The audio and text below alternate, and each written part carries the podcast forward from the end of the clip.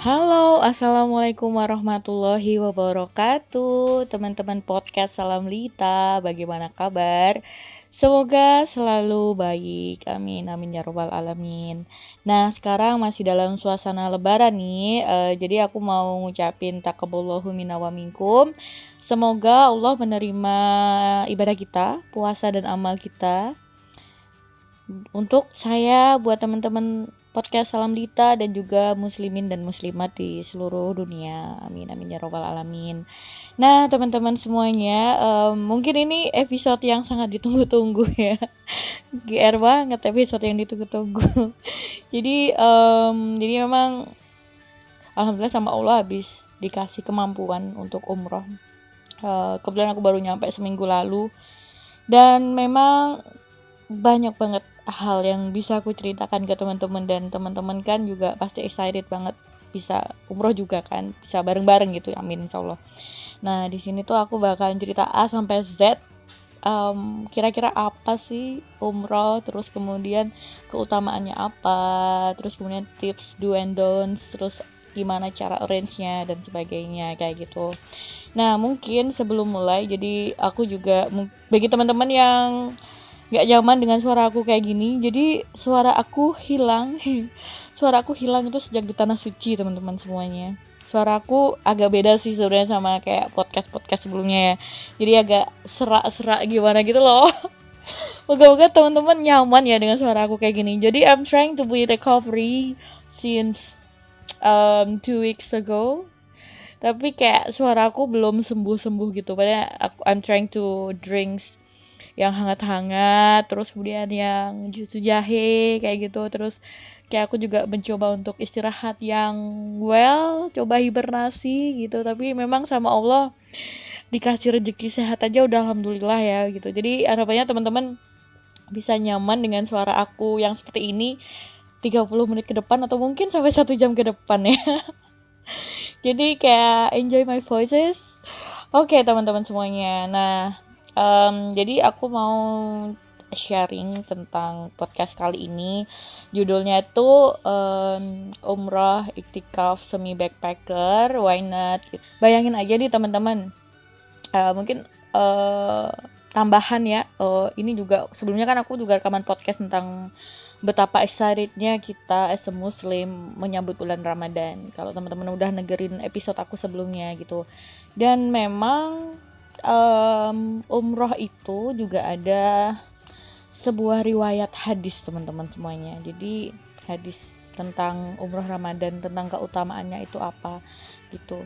Jadi sebenarnya keutamaannya adalah sangat istimewa sih bagi aku. Jadi karena kayak umrah di bulan Ramadan gitu senilai dengan haji. Bahkan seperti haji bersama Rasulullah gitu bayangin nih teman-teman ibadah haji nih kayak aku membayangkan last two years gitu aku bayangin aku sedang haji.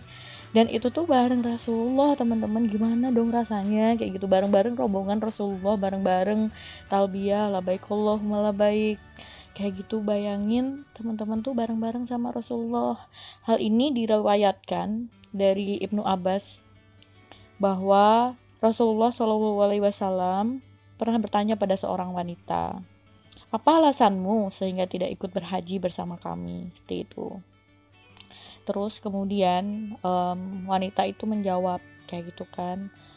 Jadi um, Rasulullah, aku punya tugas untuk memberi minum pada seekor unta di mana unta tersebut ditunggangi oleh ayah Fulan dan anaknya, ditunggangi suami dan anaknya. Ia meninggalkan unta tadi tanpa diberi minum. Lantas, kamilah yang bertugas membawa air pada unta tersebut. Jadi wanita itu membelas seperti itu. Kemudian Rasulullah bersabda, "Jika Ramadan tiba, berumrohlah." Saat itu karena umroh Ramadan senilai dengan haji. Jadi ini hadis riwayat Bukhari nomor 1782 dan Muslim nomor 1256. Nah, kemudian hadis riwayat Muslim juga menyebutkan umroh pada bulan Ramadan senilai dengan haji. Belum lagi ada tambahan hadis riwayat dari Bukhari, sesungguhnya umroh di bulan Ramadan seperti berhaji bersamaku. Jadi Rasulullah itu bilang ke umatnya. Jadi uh, Ramadan itu very very special. Dan kenapa kayak uh, aku sangat mengusahakan kayak aku mau nggak mau aku mau umroh di, di bulan Ramadan kayak gitu kayak ya honestly aku sangat sangat rindu gitu teman-teman sama Baitullah bagiku kayak keliling luar negeri wang wang wang wang gitu kayak keluar negeri ke mana-mana tuh bagiku udah tidak bisa terkalahkan dengan pergi ke rumah Allah, pergi ke Haramain, pergi ke Mekah, Madinah, terus kemudian tempat-tempat suci seperti Masjidil Aqsa. Dan semoga juga bisa ke sana, amin amin ya rabbal alamin. Jadi kayak I'm trying to be bisa ke sana lagi.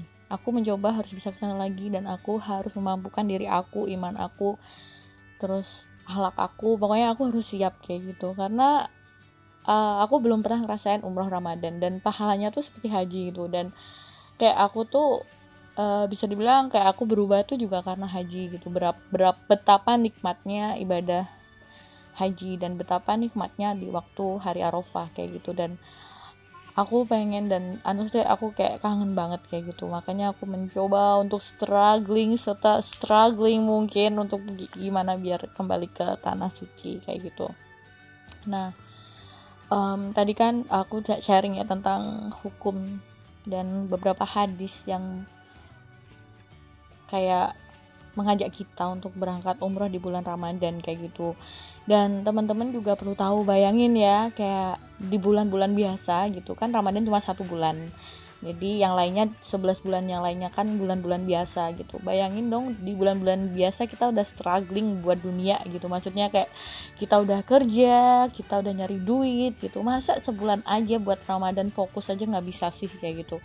Nah ini kayak yang jadi semangat aku juga biar bisa nabung kayak gitu.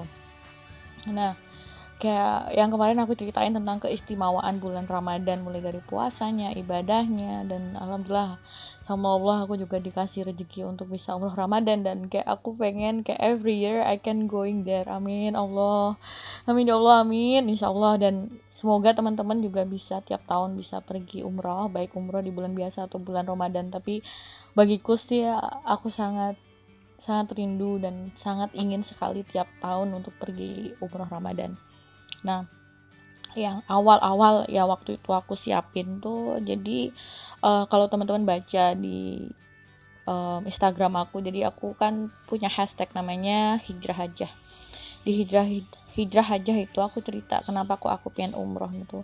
Jadi tahun lalu tepatnya di tahun 2018 setelah Ramadan kayak aku kan tinggal di Jakarta ya jauh sama orang tua ya gitu dan rasanya kayak agak sedikit uh, berbeda aja gitu ya karena nggak sama orang tua ibadah sendiri struggling sendiri gitu mencari lingkungan sendiri semuanya sendiri gitu kayak ya Allah gitu. Terus kayak aku ngerasa Ramadanku tahun 2018 tuh nggak maksimal gitu teman-teman gitu. Ya aku ibadah puasa sholat raweh dan sebagainya. Terus iktikaf juga uh, tapi nggak bisa 10 hari sih. Aku cuma malam-malam ganjil aja di masjid dekat kosan kayak gitu di Tebet. Nah terus pas Ramadan pergi tuh kayak aku tuh sedih banget kayak ya ampun baru aja puasa baru aja beribadah terus kok Ramadan udah udah nggak ada lagi gitu. Maksudnya udah ini lagi udah pergi gitu. Terus aku pikir di ya Allah jangan jadi Ramadan terakhirku kayak gitu. Kan ya sedih gitu. Jadi teman-teman ini agak sedikit melo ya podcastnya ya. Jadi kayak sedih aja gitu Ramadan pergi gitu. Terus kayak I'm I'm trying to promise I'm trying to promise kayak janji gitu sama Allah ya Allah jika jika masih engkau ngasih Ramadan next Ramadan buat aku gitu. Semoga aku bisa apa lebih baik lagi kayak gitu.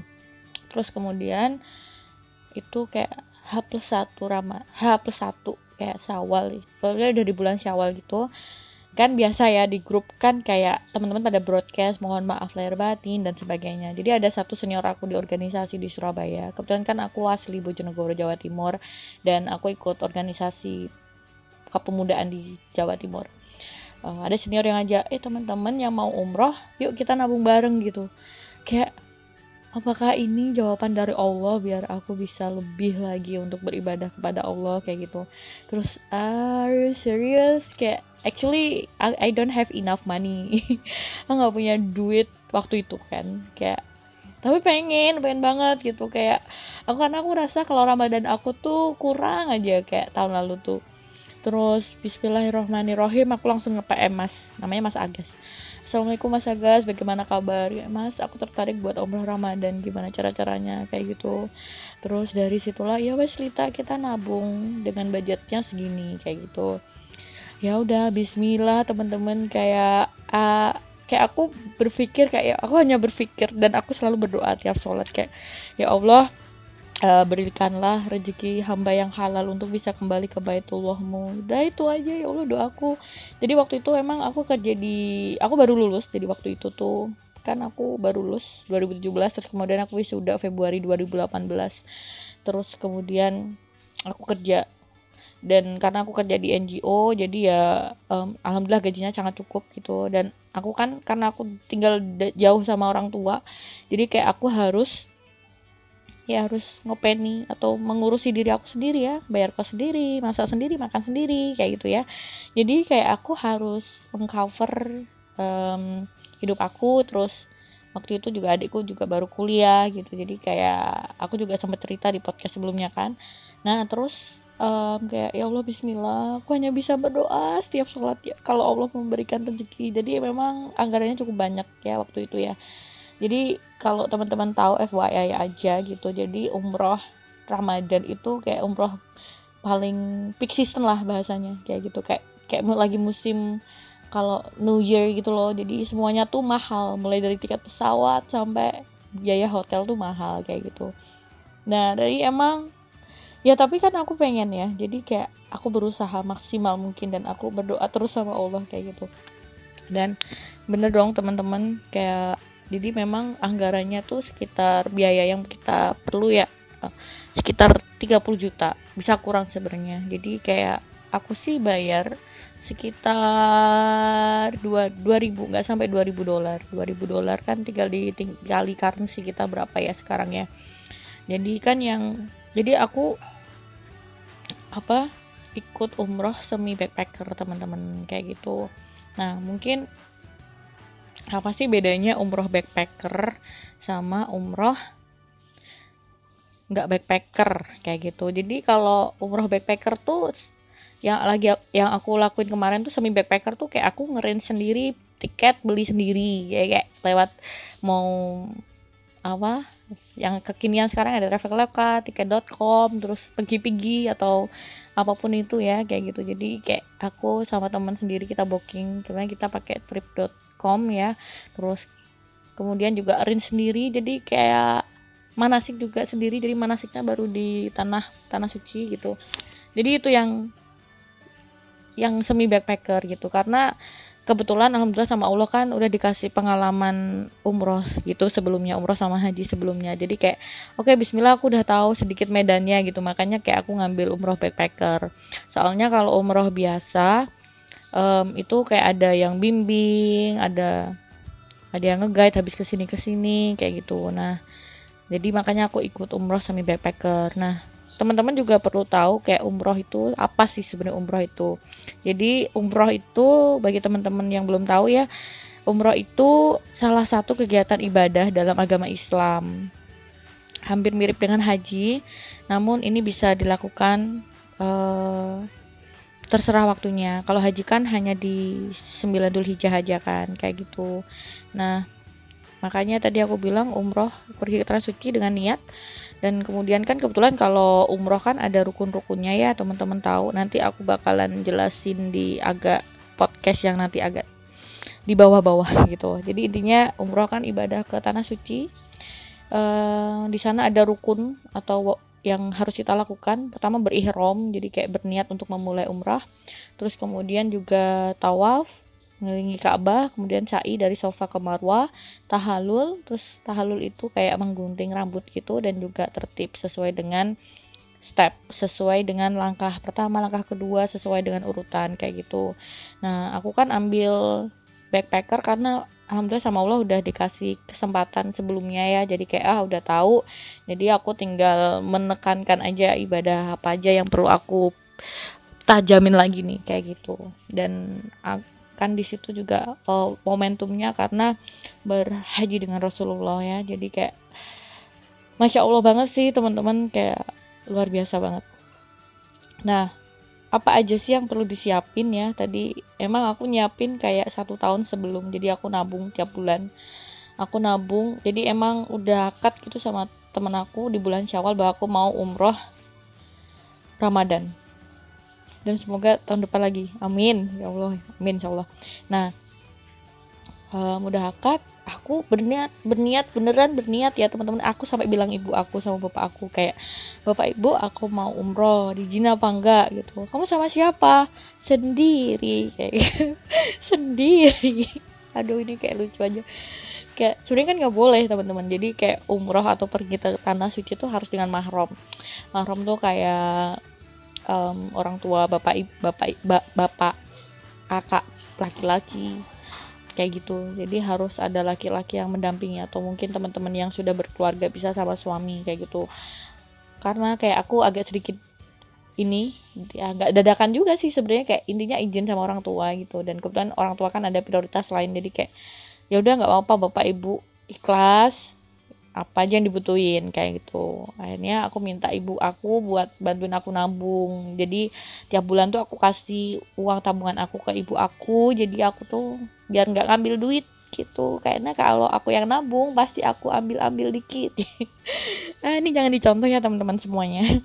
Jadi yang pertama langkah pertama bagi teman-teman yang mau umroh terutama umroh ramadan teman-teman harus niat.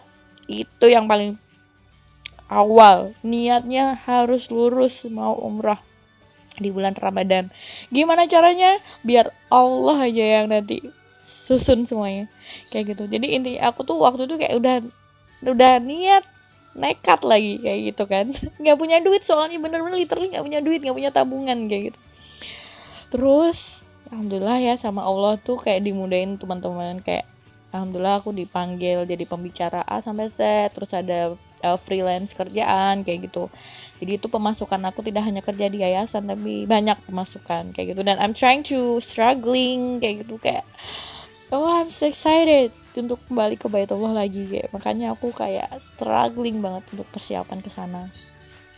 Dan alhamdulillah Allah Akbar banget gitu. Sama Allah kemarin tanggal 20 Mei aku berangkat umroh jadi 20 Mei itu terbang ke Kuala Lumpur. Jadi transit. Aku transitnya dua hari. Jadi dua harinya main temen-temen bukan transit di stay di ini ya airport ya. Jadi emang aku silaturahim sama teman-temanku di Kuala Lumpur. Jadi kan alhamdulillah aku banyak teman di sana. Dan udah lama nggak ketemu sama teman-teman di sana. Jadi kayak how are you? Kayak ayo kita ketemu gitu. Dan alhamdulillah ketemu teman-teman program aku waktu di Jepang sama di ASEAN kayak three years ago. Dan alhamdulillah kita ketemu lagi kayak gitu. Terus itu 20 Mei aku berangkat. Dan kemudian kita baru bertemu sama jamaah. Itu tanggal 22 Mei jadi kayak kita tuh ketemunya di Kuala Lumpur ada yang ketemu di Jeddah. Jadi memang literally kayak semi semi backpacker teman-teman. Jadi kayak kita tuh ngerain sendiri tiket aja aku sama Kak Devi. Jadi aku tuh bareng dari Jakarta sama Kak Devi kayak gitu. Tuh bareng dari Jakarta terus ketemu sama teman-teman Hai di Kuala Lumpur baru kenalan gitu baru kenal gitu. Jadi kayak um, kita pun belum manasik kayak gitu. Jadi ya kita baca-baca buku yang udah dikasih aja kayak gitu. Sama nyari sumber berbagai macam sumber terpercaya gitu dari internet. Kan udah banyak ya.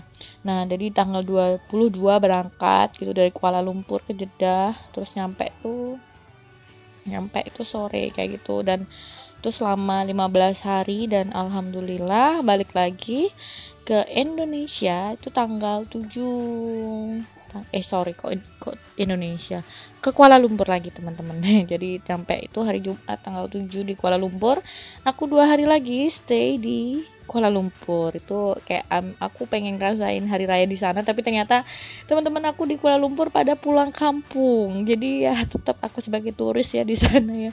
Dan sebenarnya pengen ngerasain hari raya di Kuala Lumpur tuh kayak gimana tapi karena teman-teman aku di Kuala Lumpur pada pulang kampung ke daerah mereka masing-masing. Jadi ya wis lah ya kayak gitu. Jadi alhamdulillah nyampe Indonesia itu tanggal 9 malam nyampe Bojonegoro. Dan kemudian aku langsung dari tanggal 9 tuh langsung ke Bojonegoro nyampe jam 1 pagi tanggal 10 soalnya naik kereta jadi kayak perjuangannya sih luar biasa sih teman-teman. Terus kemudian baru kemarin nyampe Jakarta tanggal hari Jumat tanggal 14 dan sekarang hari Minggu tanggal 16 kayak gitu. Jadi uh, I'm sorry buat teman-teman yang kayak suaraku agak gini. Jadi kayak kemarin kan gue habis umroh tuh pengen langsung rekaman gitu teman-teman gitu. Soalnya banyak temen yang tanya gitu kan uh, agak sedikit gimana gitu kalau diketik terus gitu. Alangkah baiknya langsung rekaman podcast aja jadi semuanya bisa dengerin kan. Nah karena suaraku hilang gitu. Ini udah better sebenarnya. Kalau kemarin tuh literally kayak ha gitu gak bisa. Suaranya tuh Ang is not Lita, this is not podcast Lita yang suaranya Lita kayak gitu. Terus tiba-tiba berubah gitu. Sampai temanku tuh kemarin waktu kita ketemu Lita kamu habis konser dari mana? Oh enggak aku enggak konser. Suaraku habis. Jadi emang masya Allah banget teman-teman Nah, ini ini persiapan aja sampai 20 menit ya aku ceritain. Belum ya selama di sana ya. Jadi harapannya kira-kira satu jam ke depannya teman-teman bisa enjoy dengan suara saya yang seperti ini kayak gitu. Nah, tadi aku udah bilang persiapan, niat dan juga biaya. Jadi tadi aku udah sebutin. Jadi aku pakai um, travel temen aku namanya Umroh Millennials. Teman-teman bisa cek di Instagram. Itu aku bayar 1280 dolar. Jadi tinggal di kurs aja. Terus 1280 dolar ditambah dengan biaya pesawat pulang pergi itu sekitar 600 600 dolar. Ya hmm, ya 600 700 dolar pesawat pulang pergi. Itu berarti udah 7 tambah 2 9 berarti 1980 dolar. Nah terus karena aku tidak ada mahram jadi aku harus pakai surat mahram. Surat mahram itu sekitar 200 sampai 400 ribu teman-teman semuanya. Terus kemudian um, aku juga nyiapin biometrik ya. Jadi kayak ada permintaan gitu dari pemerintah Saudi untuk tes biometrik. Dan itu tuh aku bayar sekitar 100 sampai 200 ribu kayak gitu. Terus kemudian um, tadi udah bayar ke travel terus tiket terus kemudian juga surat mahram terus kemudian biometrik dan kemudian ada visa. Visa itu 143 dolar. Itu sekitar 2 juta. Terus kemudian surat mahram itu sekitar 400 ribu kayak gitu. Jadi ya lumayan banyak sih teman-teman gitu. Jadi memang beda sama umroh-umroh yang lain kayak gitu. Jadi visanya juga cukup banyak juga. Tapi fomis gak masalah ya. Aku sih mikirnya aku aku pengen ibadah gitu dan ya capek teman-teman mikir dunia terus kayak gitu. Makanya aku pengen akhirat akhirat akhirat kayak gitu. Kayak nggak ada nggak akan selesainya kalau kita mikir dunia dunia doang duit aja kayak gitu. Makanya kayak nggak apa-apa aku bayar berapapun yang penting aku bisa balik lagi ke Baitullah kayak gitu.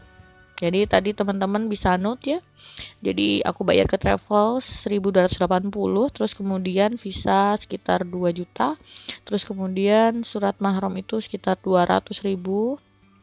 Terus kemudian juga ada tadi biometrik itu sekitar 200 ribu juga. Terus kemudian um, vaksin. Kebetulan kan ada vaksin meningitis ya sama vaksin flu. Jadi ini meningitis itu wajib. Dan kebetulan kan uh, vaksin meningitis aku tuh masih masih berlaku sampai Agustus tahun ini gitu. Jadi aku nggak vaksin. Jadi aku nggak bayar vaksin kayak gitu. Itu aja sih teman-teman. Uh, biaya yang disiapkan itu sekitar insya Allah 30 juta itu udah cukup cukup banget kayak gitu. Nah ini um, aku juga akan bahas tentang apa aja yang wajib dibawa. Jadi aku tuh nggak bawa banyak barang teman-teman. Aku cuma bawa satu koper kabin. Satu koper kabin buat 15 hari dan emang aku suka jalan ya aku suka travel. Jadi ya udah biasa. Bawa barang dikit dan aku tuh paling nggak suka ribet ya. Jadi kayak udah segini aja gitu. Jadi waktu itu tuh aku bawa yang hal yang wajib dibawa adalah pertama baju. Aku bawa gamis 7 udah itu doang gamis 7 terus kemudian sama perlengkapan mandi dan sebagainya. Terus Al-Quran. Terus kemudian juga misal teman-teman butuh tambahan yang lainnya.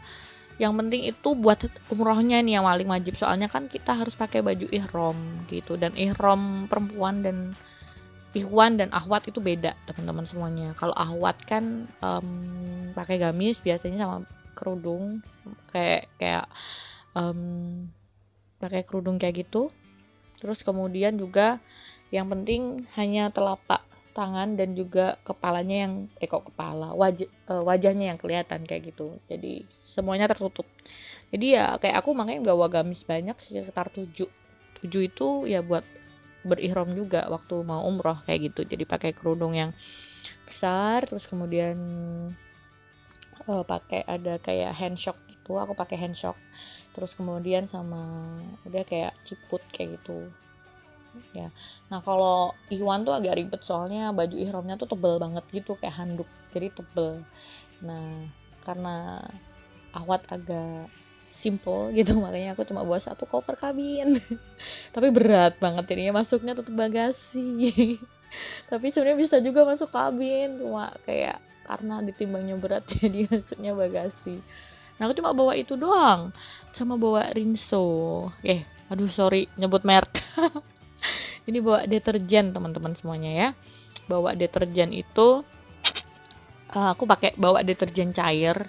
Dan kalau kita bepergian kan min, maksimal tuh sekitar 120 ml jadi itu aku memang punya botol-botol kecil buat nampung deterjen sabun sampo kayak gitu. Jadi itu yang paling wajib terus bawa apa lagi ya sajadah kayak gitu. Dan emang aku nggak pakai mukena ya aku pan di sana aku pakai uh, cadar pakai nikop sama kerudung gede banget. Jadi kayak aku nggak aku bawa bawa mukena tapi cuma buat ini aja gantian aja tapi nggak bawa aku bawa ke masjid. Udah itu aja. Aku nggak bawa nggak bawa apa apa lagi kayak gitu sama uang saku kayak gitu. Uang saku buat sedekah sebanyak mungkin di sana gitu teman-teman. Apalagi ya aku nggak bawa banyak sih. Tapi kalau ternyata umroh Ramadan tuh beda. Beda sama jalan. Atau mungkin beda sama umroh yang lainnya. Karena ternyata di sana tuh orang-orang tuh udah pada berkapling. Jadi kayak udah pasang sajadah masing-masing gitu. Dan aku sajadahnya kan yang tipis gitu yang bisa terbang gitu kan. Jadi kayak oh my god ini gimana bikin coupling sajadahku aja bisa terbang. Kayak di dihempas aja udah pergi dia. Kayak gitu kan. Jadi kayak ini mungkin bisa jadi tambahan bawaan buat teman-teman gitu bagi yang pengen umroh Ramadan. Jadi harus bawa sajadah yang tebel. Kalau bisa itu bawa sajadah duduk gitu. Tuh orang-orang di sana tuh pada bawa sajadah duduk semuanya. Kayak gitu. Sajadah duduk jadi bisa bisa banget bikin coupling teman-teman. Jadi mungkin ini tambahan buat teman-teman ya. Selain baju untuk berihram dan baju di masjid kalau bagi aku sih 7 pieces sudah cukup ya. Jadi kayak cuci kering pakai kayak gitu.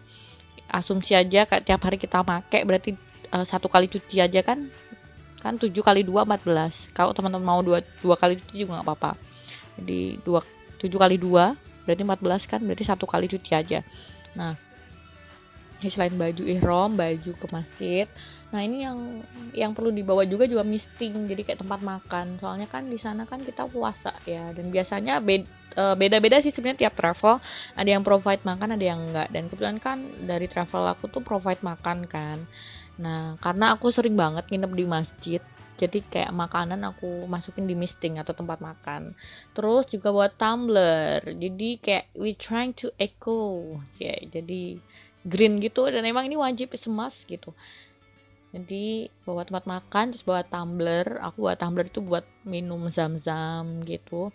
Terus selain itu juga bawa tempat sandal. Jadi tempat sandal itu bisa dari kayak goodie bag gitu. Intinya sandal mah dibawa aja gitu. Jangan ditaruh di luar masjid. Nanti orangnya kan jutaan orang gitu kan. Pasti ya siapa tahu kelibet atau mungkin ke bawah atau kayak gimana gitu. Makanya aku saran sih bagi teman-teman bawa tempat sandal.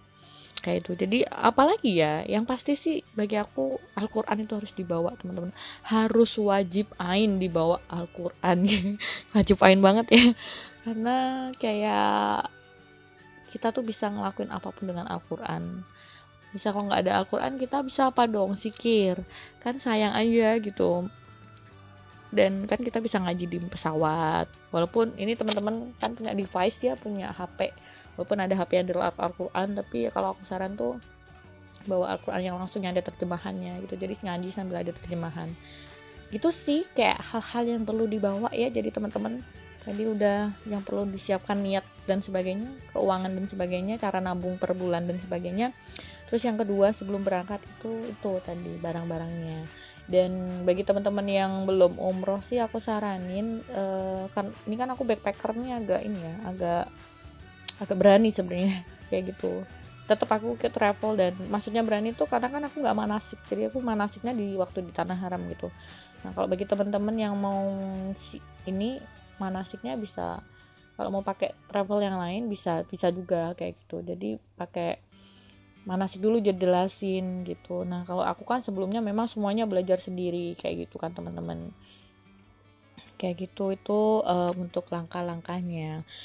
Terus apa aja yang dibawa kayak gitu. Terus kemudian um, berangkat aja yuk. Ya deh. Kita berangkat akhirnya alhamdulillah. Insya Allah ya.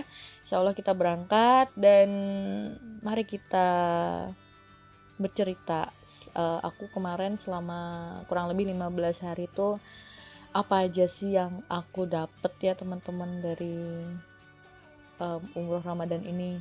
Dan ini aku tapi nanti nggak apa ya nggak baper dikit gitu. Um, jadi uh, sebelumnya itu memang kayak aku nggak two years ago aku nggak ada kepikiran bisa umur ramadan gitu teman-teman dan alhamdulillah gitu sama Allah dia mampukan dan alhamdulillah gitu ternyata umur ramadan itu sebegitu nikmatnya gitu. Makanya kayak it's my dream is like my bucket list that every year I can going there. Amin insyaallah. Nah, aku mau cerita ini mungkin hal-hal yang aku dapatkan ya di di tanah haram itu seperti apa ya teman-teman ya. Jadi waktu itu aku itu nyampe aku nyampe Madinah. Jadi memang umrohnya e, perginya itu ke sana sampai Madinah dulu dari Jeddah terus lanjut di Madinah. Dan aku itu nyampe Madinah itu tanggal 23. Jadi berangkat tanggal 22 terus nyampe Jeddah itu jam 5 sore tanggal 2022 juga kemudian aku naik Oman Omar Airlines jadi aku transit di Muscat dulu di Oman. Nah ini mungkin juga notes buat teman-teman yang mau naik Oman Airlines. Jadi itu aku agak sedikit upset sih sebenarnya kayak agak gimana gitu sama Omar Airlines. Karena kayak kita tuh nggak dikasih makan gitu walaupun kita puasa ya. Kan kita bisa bungkus kayak gitu kan. Gak ditawarin. Jadi kan emang aku di pesawat tidur aja ya. Kayak selama ini aku naik pesawat ke mana pun gitu. Pasti tuh kayak dibangunin atau dikasih announcement that uh, we will provide meals so please for the passengers please be ready for our meals kayak gitu. Jadi kayak diinfoin kalau kalian dibagiin makan jadi kayak yang tidur bangun no kayak gitu enggak mereka yang tidur ya udah dibabasin aja. Dan itu terjadi sampai aku pulang ke Kuala Lumpur. Jadi samping aku tidur aku tidur dan kita kelaparan teman-teman semuanya sampai balik ke Kuala Lumpur. Kayak sebel gitu sama Oman kayak Omar Airlines kok gitu sih? Kok beda banget sama maskapai lain tapi kayak ya udahlah jadi pelajaran kayak gitu. Nah, jadi ini buat note juga bagi teman-teman yang naik Oman. Jadi misal kalau kelewat makan minta aja makan kayak gitu. Itu aku diajarin sama temen aku iya wes tak gimana lagi? Tapi tadi aku minta kok. Oh ya wes berarti nanti next kalau misal mau naik oman lagi harus minta makan kayak gitu. Walaupun sebenarnya ya kita harus dibangunin sih. Kalau selama ini aku naik pesawat ya dibangunin kalau mau dibagiin makan kayak gitu. Jadi nyampe Jeddah tuh jam 5 terus habis itu lanjut ke Madinah. Itu perjalanan sekitar berapa ya? 6-8 jam lah pokoknya kayak gitu. Dan nyampe itu jam dini hari tuh tanggal 23 jam sekitar jam 1 pagi kayak gitu